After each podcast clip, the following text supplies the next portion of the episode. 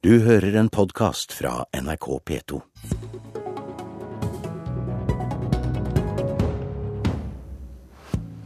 Vi blir ikke ferdig med reservasjonsdebatten, bortsett fra Jens Stoltenberg, da, som snart kan være ferdig med den, og all annen norsk debatt. Men hvis han blir Nato-hauk, hvem skal lede ørnen blant partiene da? Politisk kvarter kan ikke love deg fasitsvaret på det siste spørsmålet i denne sendingen, men nesten. Men først, SV-leder Audun Lysbakken, kan du love at dere finner alle fastleger som reserverer seg mot å henvise kvinner til abort? Med det forslaget du fremmet i Stortinget i går? Jeg kan i hvert fall love at vi vil få til en eh, omfattende kartlegging og kunne begynne å sanksjonere leger som driver med ulovlig reservasjon. Det som er situasjonen rundt om i landet i dag, er jo at eh, ingen har full oversikt over hvor mange leger som reserverer seg. Det er betydelig usikkerhet, tror jeg, blant eh, mange kvinner knyttet til det. Og vi vet at ikke bare foregår det reservasjon knyttet til abort, men også på andre grunnlag, f.eks. når det gjelder prevensjon, når det gjelder assistert befruktning til lesbiske. Og til og med har vi eksempler på LAR-behandling til rusavhengige. Det er altså en helt uakseptabel situasjon, der enkeltleger behandler eh, pasienters rettigheter som om eh, som om det var en meny de kunne velge hva de ville servere fra. Derfor foreslår vi at eh, Statens helsetilsyn skal pålegges å gjennomføre et nasjonalt eh, tilsyn, eh, og at de legene som bedriver ulovlig reservasjon, skal få en advarsel og kunne sanksjoneres. Men hvor massive må disse kontrollene være for å finne dem? Det er klart at eh, Skal vi eh, virkelig komme til bunns i dette, så må vi bruke ressurser og ha et eh, landsomfattende tilsyn. og Det betyr at Helsetilsynet må prioritere det høyt. og Det er jo derfor vi tar det opp i Stortinget og ønsker å, å pålegge de det. Men det er fullt mulig hvis vi mener det er et mål å rydde opp i dette. Og Det har helseministeren nå sagt gjentatte ganger at han vil. Men vi har jo ikke sett noe som helst slags initiativ til å få håndhevet det regelverket som gjelder, og som jo for en god del typer reservasjon fortsatt vil gjelde gjelde, også om eh, regjeringen skulle få gjennom sitt forslag. Han sitter ved siden av deg, helse- og omsorgsminister Bent Høie. Hva syns du om SVs metode? SVs metode har vært prøvd eh, av den rød-grønne regjeringen før. Eh, fortsatt så vidt jeg kjenner til, så er det ikke en eneste fastlege som har slutta å reservere seg etter den kartleggingen som den forrige regjeringen gjorde på dette området. Og Jens Stoltenberg sa senest i debatten til meg eh, i forrige uke at eh, kvinner som oppletter dette, må klage. Jeg mener det er feil, det regelverket vi har i dag. Det overlater til den svake part, kvinnen, å klage når de møter leger som reserverer seg mot ulike ting, som den forrige regjeringen ikke klarte å rydde opp med med dagens regelverk. Er, er forslaget en innrømmelse av at, de, at det ikke fungerte? Helt åpenbart. Dette er en innrømmelse av at det regelverket som eh, SV ønsker å beholde, er et regelverk som ikke har fungert. Det de foreslår som virkemiddel, er i realiteten det samme som eh, den forrige helseministeren fra Arbeiderpartiet prøvde på, nemlig å få fylkesmennene til å kartlegge hvilke leger som reserverer seg. Det kom det svært lite ut av. Eh, så vidt jeg kjenner til, så er det ikke en eneste færre lege som reserverer seg etter det. Mitt forslag, derimot, går ut på å ansvarliggjøre de som faktisk sitter med ansvaret her, kommunene. Og ikke overlate det til kvinnene å måtte klage, men å sørge for at kommunene har et tydelig og klart regelverk å forholde seg til.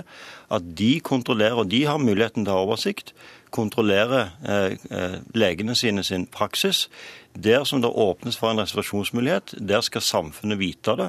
Det skal ligge ute som informasjon på helsenorge.no. Fylkesmennene skal få beskjed om disse avtalene, og muligheten til å kontrollere det. Og ikke minst, eh, vi skal sørge for at kommunene òg kontrollerer at ikke leger reserverer seg mot annet enn det de har avtale mot.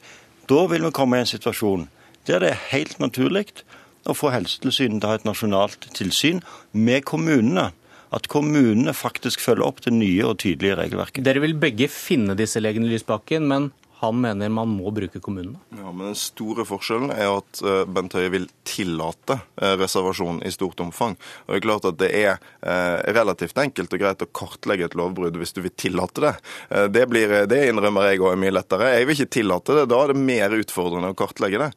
Men det vi foreslår er altså Men det gjør det ryddere, da? Kanskje er ikke det påstanden? Nei, det gjør ikke det. Fordi Bent Høie sitt forslag kommer til å føre til mer reservasjon. Og Det er jo det som har vært, fått altfor lite oppmerksomhet i denne debatten. Det er klart at når du når du legitimerer reservasjon jo... Nå er det jeg som har ordet. Når du legitimerer reservasjon, så må vi også regne med at flere kommer til å bruke det. Dessuten eh, så vil det ikke endre på det grunnleggende eh, problemstillingen i mange kommuner, at kommunene ofte er en dårlig forhandlingssituasjon, det er knapphet på leger. Eh, jeg tror ikke Bent Høies modell vil kunne klare å rydde opp i dette. Det vi foreslår, er jo noe annet enn det den rød-grønne regjeringen gjorde. Vi foreslår å trappe videre opp med et landsomfattende statlig tilsyn, pålagt av regjeringen og Stortinget. Eh, det er det vi nå kan gjøre for å få klarhet i dette. Og jeg mener at høyresiden burde støtte vårt forslag. Hvis de vil ha troverdighet på at de er interessert i å rydde opp, så har de ingenting å tape på nå å kaste Helsetilsynet sine ressurser inn eh, i en skikkelig kartlegging av dette. Hvis du tillater det, så blir det flere av dem?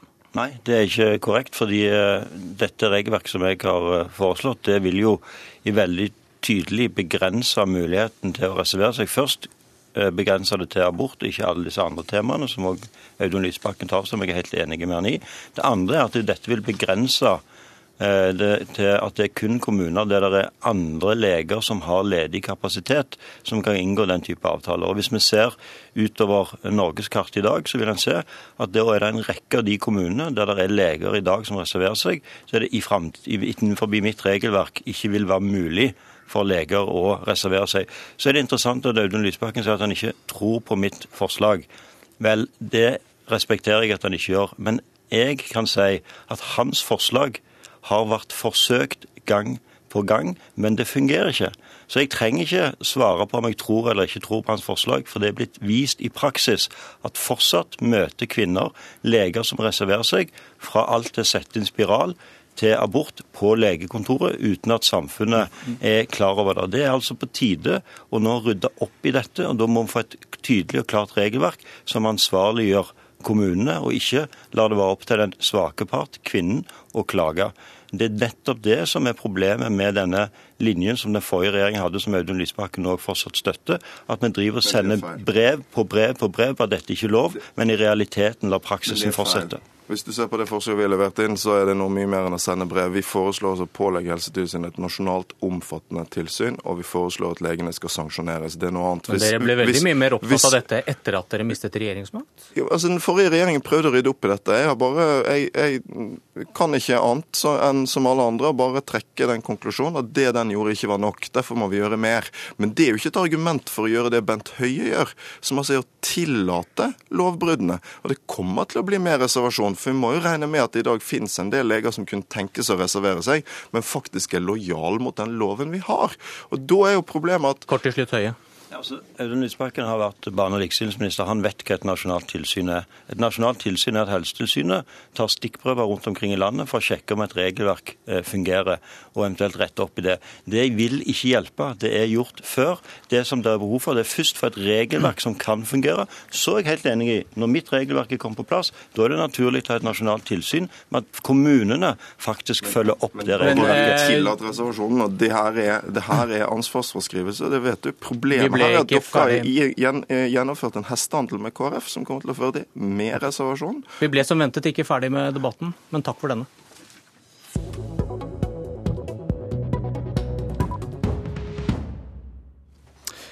De første spekulasjonene i en avis i et land ganske langt borte viste seg å stemme. Jens Stoltenberg er aktuell som Natos neste generalsekretær.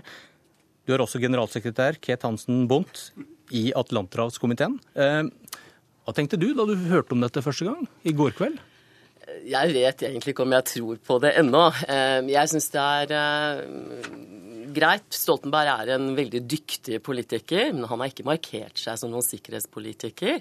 Han er, eh, hans internasjonale engasjement går på klima og vaksinasjonsprogrammer i Afrika.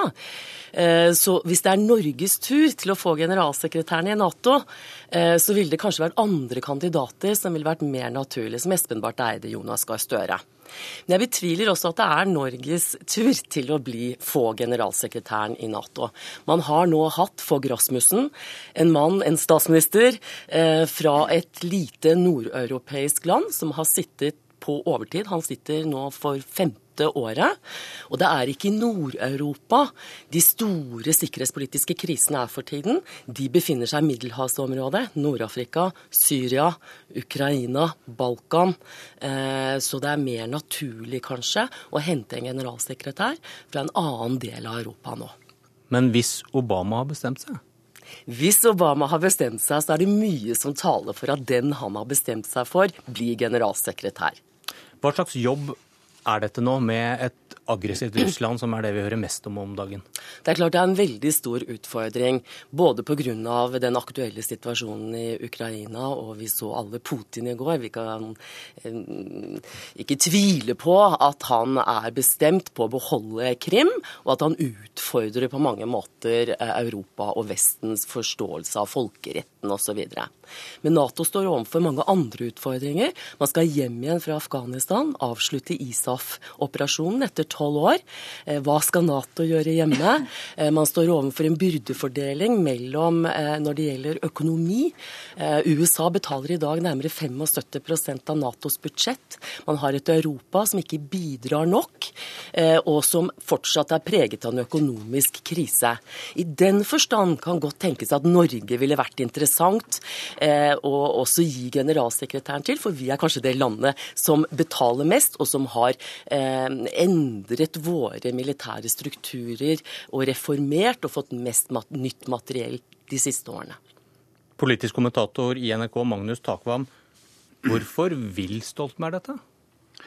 Det er klart at eh, å eventuelt bli generalsekretær i Nato er eh, en av de absolutt eh, viktigste jobbene, jobbene i verdenssamfunnet. Og selv om Stoltenberg har signalisert at han var innstilt på å fortsette som partileder i Arbeiderpartiet og eventuelt eh, bli eh, statsministerkandidat en gang til, så er det klart at dette trumfer i så fall det. Eh, så det er, det er jobbens karakter som, som, som, gjør dette for en som er interessert i å være en operativ politiker. Stoltenberg tror jeg ikke har i og for seg vært på jakt etter en toppjobb internasjonalt eh, bare for å få, eh, få, få, en glamorøs jobb. Han er interessert i å utøve politikk og være en operatør, og det er jo eh, naturligvis denne jobben for fullt. Er det dårlig nytt for Arbeiderpartiet? Ja, På kort sikt er det jo det. Kanskje har Arbeiderpartiet gjort seg for avhengig av Jens Stoltenberg som partiets desiderte toppfigur. Eh, og det var en del eh, hakeslepp i går da vi snakket med, med folk i, i, partisystemet over denne nyheten. For det er ingen tvil om at det er en reell nyhet. Noe annet er jo om det ender sånn til slutt. Det er det selvfølgelig mye vanskeligere både for meg og alle andre å, å være skråsikker på. Og så lurer jo alle da på, hvis han forsvinner, hvem overtar? Det er nok Jonas Gahr Støre som, eh, som, er eh, soleklar favoritt når det hele skjer eventuelt da såpass raskt med et ekstraordinært landsmøte allerede eh, i høst. De signalene jeg hadde fått tidligere, var at det kanskje lå an til, hvis dette da ikke hadde skjedd, at Stoltenberg ville holde på lenger enn de fleste så for seg, og at man gikk eh, så, så, etter den nye partilederen i neste generasjon, de som er 30-40 år nå. Men nå må man løse situasjonen eventuelt da mye raskere, og da er Gahr Støre kandidaten. Bondt, når blir dette avgjort? Hvem som får jobben? Det blir nok ikke avgjort før på sensommeren. Eh, man har et toppmøte i Wales 4. Eh, og 5. september i Nato, og Fogh Rasmussen sitter til da. Og så er det mange andre toppjobber i Europa som skal fordeles i inneværende år. Det er fire jobber i EU-systemet. Her sitter veldig mange av de samme medlemslandene som sitter i Nato. Det er presidenten i EU, det er den utenrikspolitiske eh, leder, det er kommisjonspresidenten og den som leder Europaparlamentet. Og det er mange gode kandidater. Og jeg tror Natos generalsekretærpost kommer til å være en del av den hestehandelen som man fordeler mellom de europeiske landene. Takk for det. Politisk kvarter er slutt. Jeg heter Bjørn Myklebust. Du har hørt en podkast fra NRK P2.